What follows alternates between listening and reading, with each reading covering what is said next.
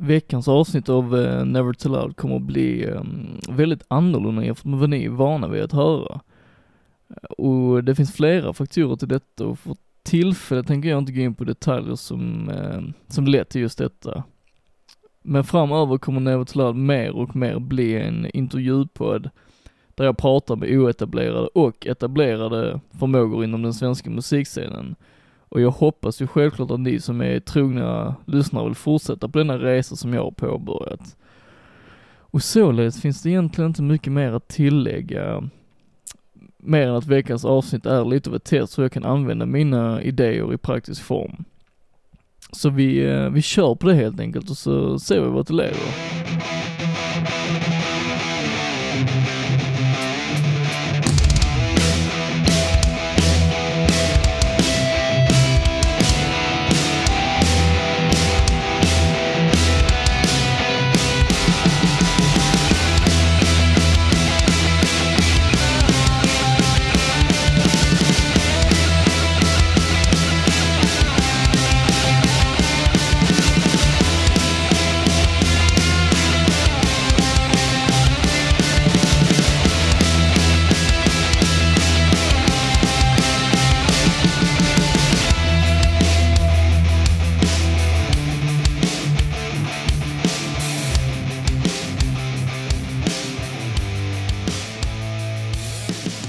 1967 ville Pete Townsend som ledande gestalt för The Who särskilja sin musik från andra band som härjade runt på 60-talet.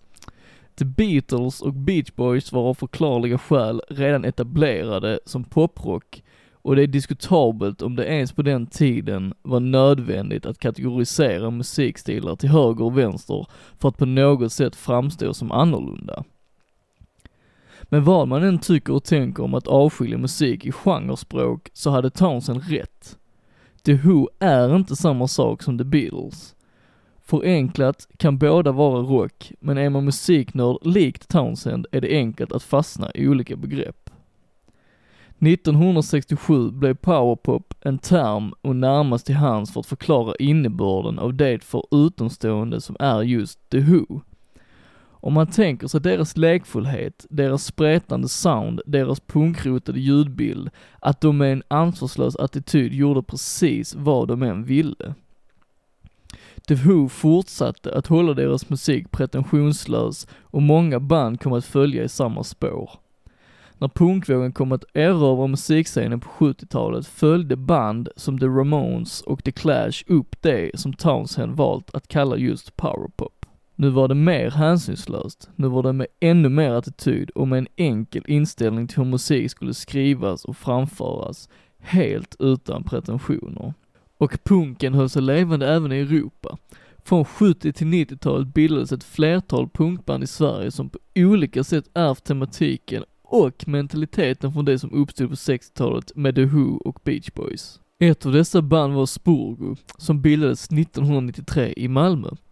Med debutskivan Pop Libels Guitar Wall lyckades de få en hel del uppmärksamhet och de gjorde några väl framgångsrika scenframträdanden, bland annat på Kalas 2000 där även Kent, The Ark och Thåström fick visa upp sig. Kort därefter lades bandet ner och det skulle ta lång, lång tid innan det hände något nytt. Varför får vi reda på senare då jag intervjuar Patrik Widerberg som sjunger i Spurgo. Men först, lite musik.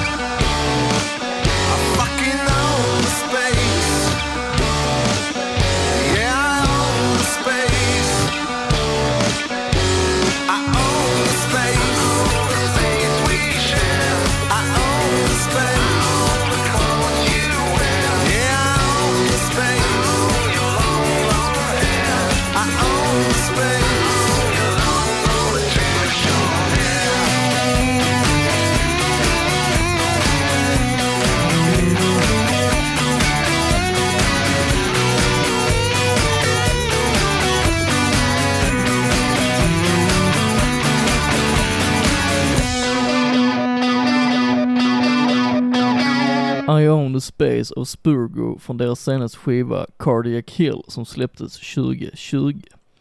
Förhoppningsvis blir det nu tydligt med mina paralleller och liknelser med powerpop från 60-talet. Det vill säga den stora nyfikenheten på att krydda sitt kreativa skapande med en stor aggressivitet och hänsynslöshet till vad som kan anses vara rätt och fel i musik. Jag var väldigt nyfiken på den tidiga perioden i Spurgos karriär, när de nådde en sorts framgång med släppet av debutskivan på Bleebles Guitar Wall och frågade därför sångaren Patrik Widerberg om det. Eh, ja, den första versionen av Spurgo var ju då eh, från 1993. Eh, det var en engångshändelse. Ett gig där det bandet som jag spelade i då, Bombyses bryggeri, slogs ihop med eh, hiphop-duon Treble and Bass. Och eh, vi spelade på folkfesten 1993. Då kallade vi oss Spurgo. Eh, Bombyses bryggeri splittrades 1994. Några av oss fortsatte med ett band som vi kallar för X21. Men ganska snabbt så tänkte vi, äh, vi tar det där namnet Spurgo och det namnet kommer faktiskt ifrån eh, när vi var med Bombyses bryggeri och spelade i Finland 91 eller 92. Vi hade spelat på en festival. Dagen efter var vi ute och fikade och eh, var på ett fik där det var en eh, servitris då som sa Hej, är det ni som är det där bandet från Malmö? Ja, det stämmer. Hon frågade vad vi tyckte om den här platsen Hangö där vi hade hamnat. Eh, ja, fint sa vi. Vi var ute på någon klubb igår eh, och ikväll så tänkte vi gå till den där klubben där. Eh, är den bra? Nej, sa hon. Den är Spurgo. Spurgo, sa vi. Vad betyder det? Ja, det var ju någonting som var lite nedlagt, lite sådär fyllehak. Vi gick inte dit, men ordet var ju häftigt så det använde vi sen. Då. Så X21 blev Spurgo. Eh, vi hade några år med medlemsbyten. Eh, vi skiftade från att sjunga på svenska till engelska. Men det var först 1997 som vi hittade formen och även soundet här. Eh, vi fick skivkontrakt med Record Heaven Records. Vi spelade in den här debutplattan, då, Pop Labels Guitar Wall. Giggade runt omkring i Skåne. 1999 så kom Måns Tomsby in på bas. Jag släppte gitarren. Eh, Micke Fässberg som då var basist eh, men egentligen gitarrist, spelade gitarr. Eh, och så spelade vi ett par år till där och eh, det sista giget vi hade det var då under det som hette Popstad. Eh, vi spelade på KB i Malmö i december år 2000. Sen tog vi paus och den pausen varade i 17 år. Det är ju intressant det här att ett band kan hålla sig aktuella och relevanta efter en paus på 17 år. Speciellt när man redan från början tillhör en relativt smal scen. För det dröjde ju till 2020 innan deras andra skiva släpptes, nämligen Cardiac Hill, eh, som vi lyssnade på för en stund sedan med låten eh, I own the space. Eh, så jag frågade varför det egentligen tog så lång tid.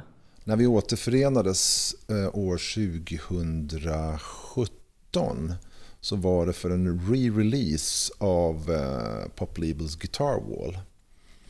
Eh, remasterad, utökad version som släpptes på digitala kanaler.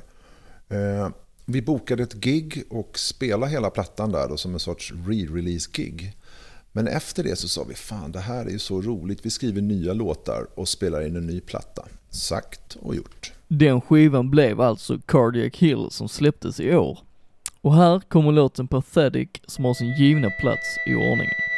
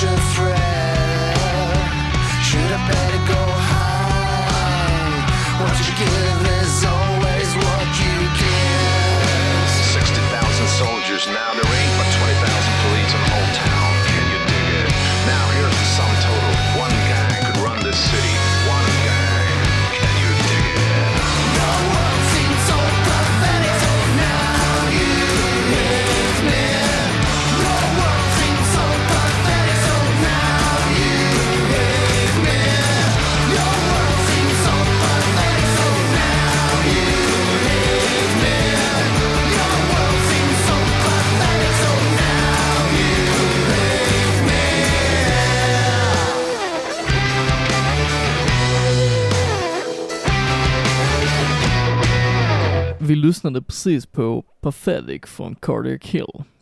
Om ni som gillar Sator, Imperial State Electric eller Harker Superstar plötsligt känner igen er så dömer jag er inte.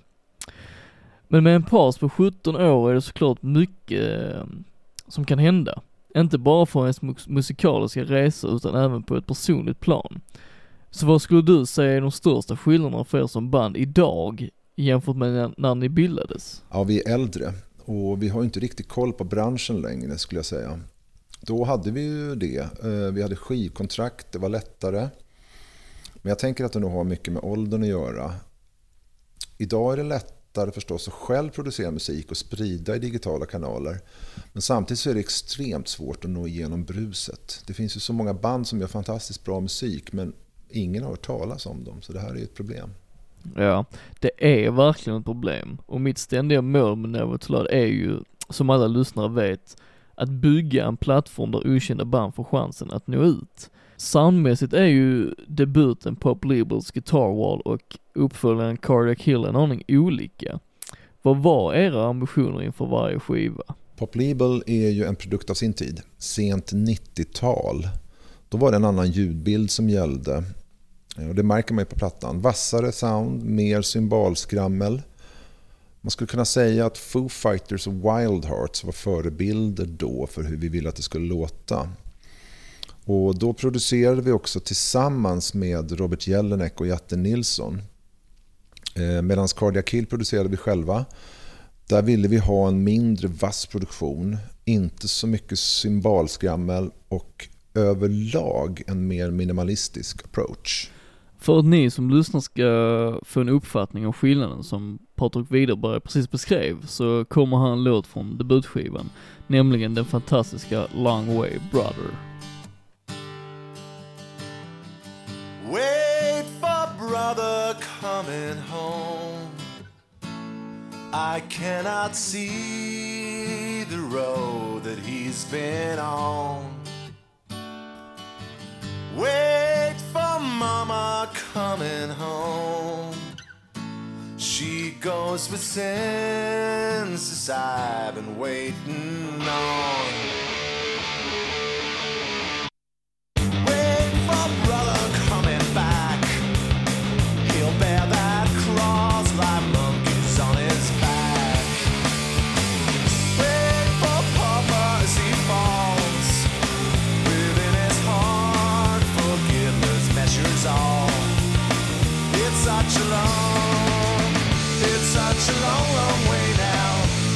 such a long, long way now. It's such a long, long way.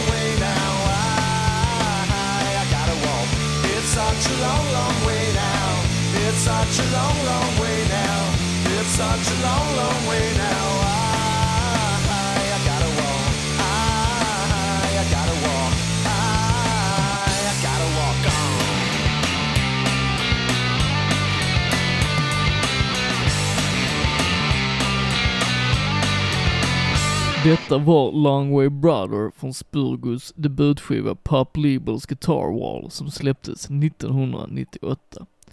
Jag tycker det är ganska tydligt med det som Widerberg beskrev som skillnaden mellan första skivan och Cardiac Hill. Long Way Brother visar verkligen att den är en låt präglad av sin tid, men det är också det som blir en stor del av debutskivans charm. Den ungdomliga nerven färgas av inställningen att ha kul med sin konst och deras lekfullhet är väldigt uppenbar här. Eftersom jag själv märker väldigt stor skillnad på mitt skapande när det gäller musik från när jag började för tio år sedan så var jag väldigt intresserad av att höra hur deras tankar kring låtskrivande har förändrats eftersom de nu är nästan 30 år äldre än när de startade bandet. Rötterna är de samma. Eh, alla vi i bandet vi har ju lyssnat på glamrock, hårdrock, punk, powerpop. Eh, men sen tänker jag, sen förra plattan så har vi ju alla också tror jag lyssnat mer på eh, vad ska jag säga, singer-songwriter-musik, country, americana. Och jag tänker att låtarna är lite enklare i strukturen nu. Och det är ju ett fenomen som man känner igen i musikbranschen, inte minst eh, kändissväng, alltså så här många kändisar. Om man tänker till exempel Springsteen nu och jämför med hur han lät 1975 så är det en ganska eh, stor skillnad. Det är enklare nu helt enkelt. Eh, Så tiden är en faktor. Eh, Vi är kanske lite tröttare nu. Det, låtarna behöver vara enklare. Vi orkar inte hålla koll på klyddiga riff och för många ackordbyten. Ni leker ju gärna med era låttitlar, som Strangling the Lab och Fusebox Hooker för att nämna exempel. Samtidigt som ni kan ha väldigt talande titlar som Fascist Party och Comfort to a Child. Hur går era tankesätt när ni skriver texter? Ja, texterna då som nu handlar ju till 90% skulle jag säga om makt och en eh, ojämlik maktfördelning. Och det finns ju också en del reflektioner i texterna om eh, vad ska man säga, mossiga patriarkala strukturer. Och vi är ju själv en del av det här. Så jag tänker att mixen av okunskap och testosteron är livsfarlig. Ehm, men en viss skillnad då mellan eh, plattornas teman skulle kunna vara att då så sjöng vi också om eh, familjen, om att vi skulle skydda barnen från en ond värld. Nu är barnen vuxna och de har klarat sig rätt bra så nu sjunger vi om andra hot. Men de här hoten de är fortfarande drivna av patriarkatet. Om vi fokuserar på nutiden då, hur jobbade ni egentligen fram soundet som blev Cardiac Hill? Ja, mer minimalistisk sound, min, mindre trumset, eh, inte lika mycket som balslag. Vi hade en distinktare uppdelning i gitarrsound. Brorsan då med eh, Les Paul Junior och Marshall. Jag med Telecaster och Koch och ibland Vox. Eh, en distad och en ren bas. Väldigt mycket, alltså mycket mer kör och en jäkla massa handklapp. Mycket shaker, tamburiner. Och sen så har vi strösslat med lite glitter här och där. Något litet piano, någon orgel, men väldigt försiktigt. Vad känner ni var det viktigaste för er som band och musiker att framhäva i de nya låtarna som skulle representera er eh, första skiva på väldigt lång tid? Ett mer samlat sound skulle jag säga. Eh, inte lika spretigt. Det kommer alltid vara lite spretigt faktiskt ändå med tanke på våra influenser. Men så sammanhållet som vi kan. Så enklare låtar, eh, mer sång, mer kör. Brorsans konstiga solon. Eh, vi är inte lika noga med att spela rätt skulle jag säga på den här plattan. Jag förstår ju verkligen det tankesättet eftersom ni ofta anger The Ramones och The Clash som influenser. Men känner ni att eh, punkmentaliteten är en stor del av er när det gäller kreativt skapande? Ja, det skulle jag nog säga. Det finns ju både i viljan och attityden. Ehm, och sen soundmässigt eller musikmässigt så finns det ju något förlösande i det där enkla snabba röjet med liksom åttondelskomp, distmatta, körer. Vi är arga på något, vi har något vi vill säga.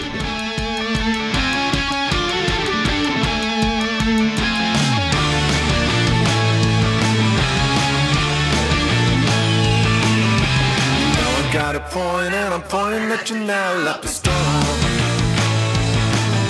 My shield is to stare as the size of my dick like a storm.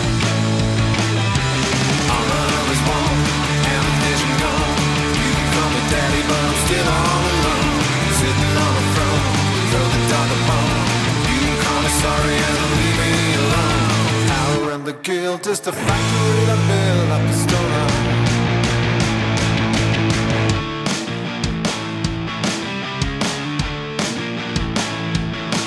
Alright.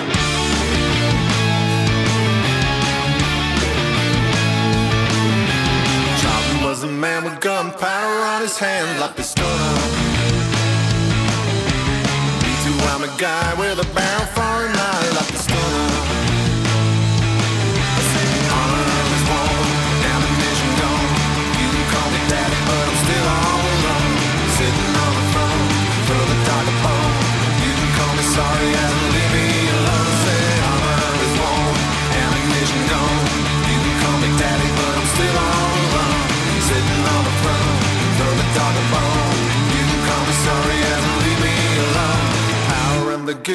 the factory that built up the story.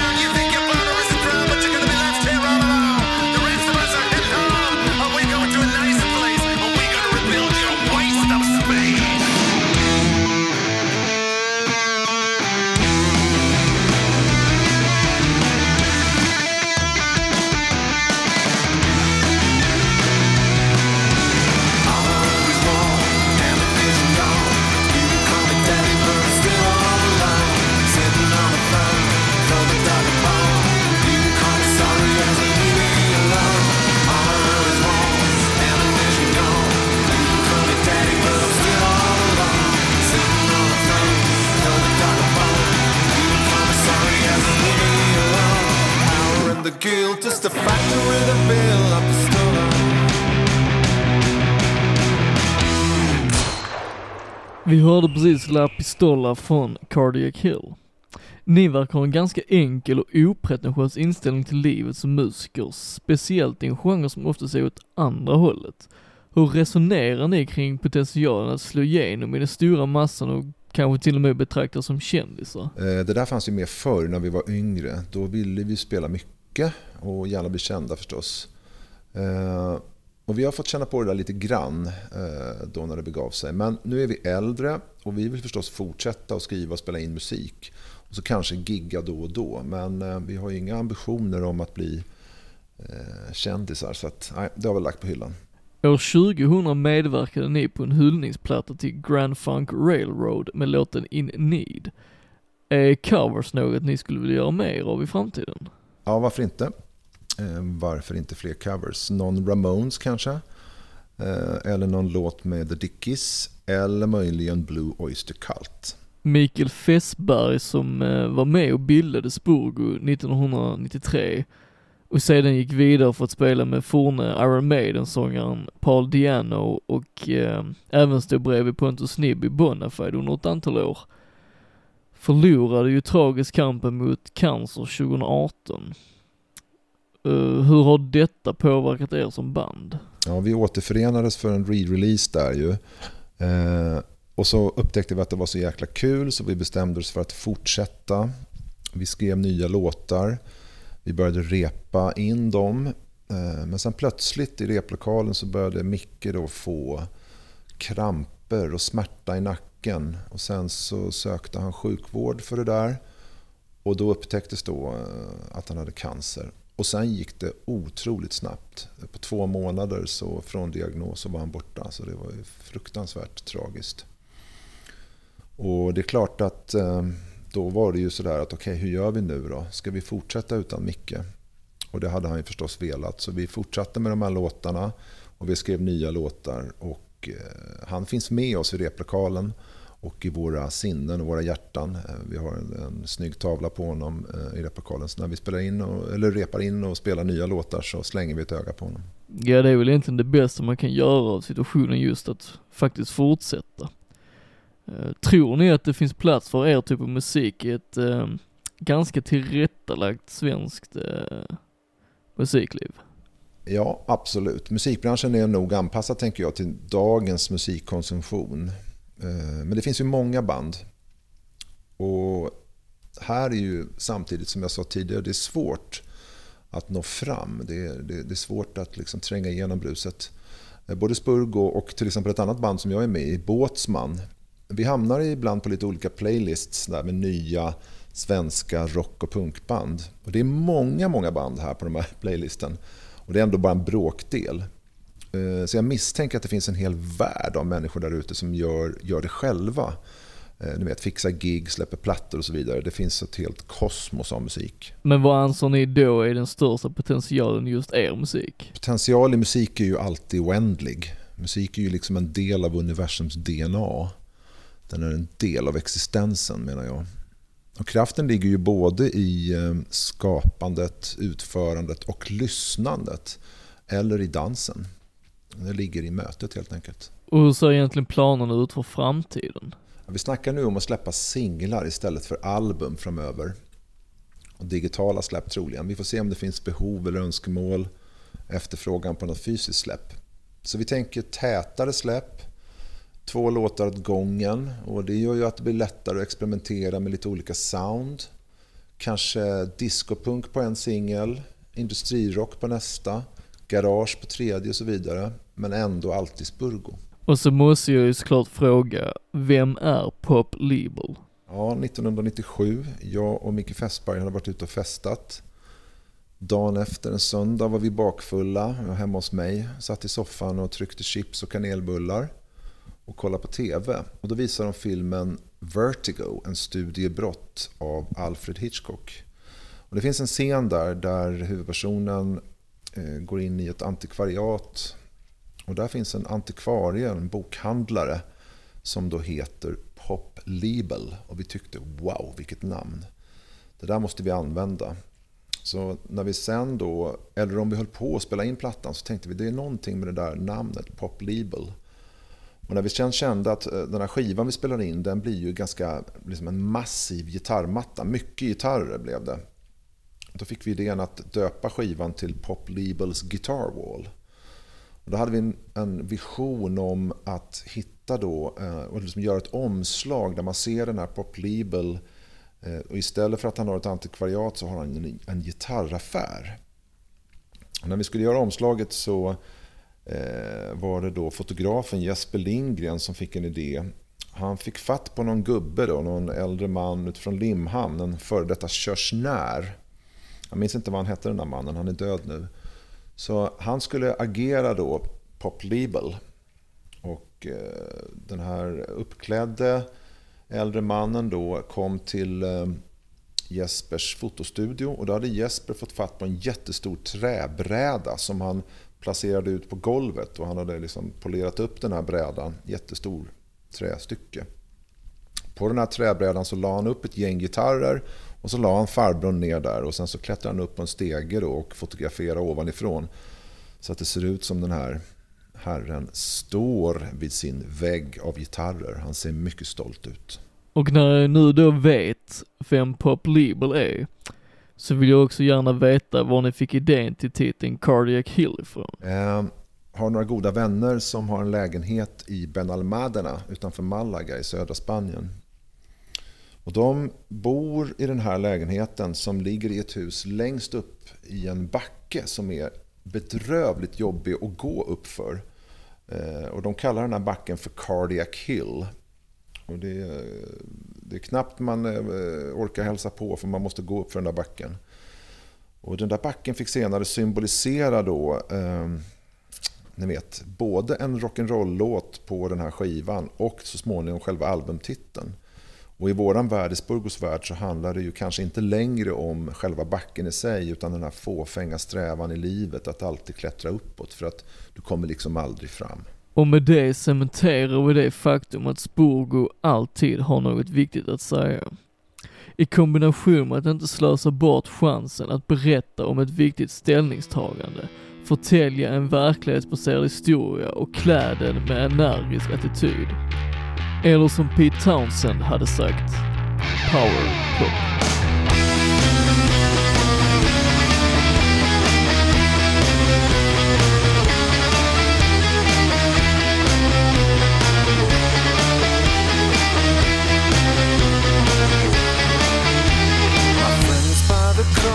the dearest of coasts speak of a place there like a never-ending mill cardiac hill, you gotta climb it. But you're tired of climbing, you're tired of trying. You need to rest now. To defy the machine, to deny this routine, gotta stand for the test now. See you up on cardiac hill once again. See you up on cardiac hill. You'll never reach the top of the hill. hey my friend, the top is a new bottom to fill. See you up on Cardiac Hill once again. Once there was a man who fulfilled.